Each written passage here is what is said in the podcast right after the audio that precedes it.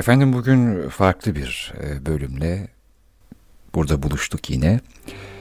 E, zaten dinlediğiniz üzere biraz daha kasetlere yer verdik plaklardan ziyade. Dönem olarak biraz daha yakın bir dönemdi repertuarımızda. Ama hep dediğimiz gibi programın ismi annemin plakları ama konu geçmişle ilgili olduğu zaman bantlar, kasetler, makaralı bantlar, plaklar, taş plaklar, e, dönen ne varsa dönmeyi sürdürecek. Bugün de böyle oldu.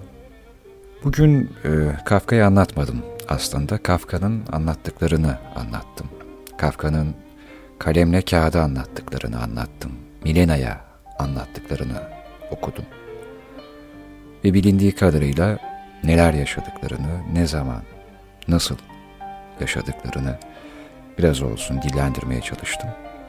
Böylelikle bir buluşmamızda daha yörüngemize şarkıları, sözleri, kitapları, şairleri, hikayecileri, küftekarları, bestekarları aldık ve döndük durduk.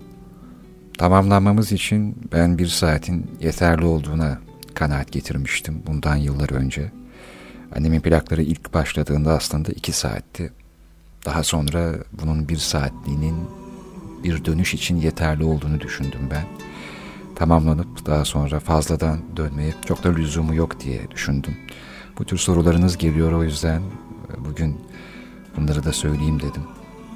Bu arada birer teşekkür kaynak olarak Hande Yavşan Güvendik'e ve Haluk Kunter'e hem çevirilerinden dolayı hem de paylaştıkları bilgilerden dolayı teşekkürler sağ olsunlar bir bölümü daha nihayet erdirirken bizim dönüşümüz belki tamamlandı.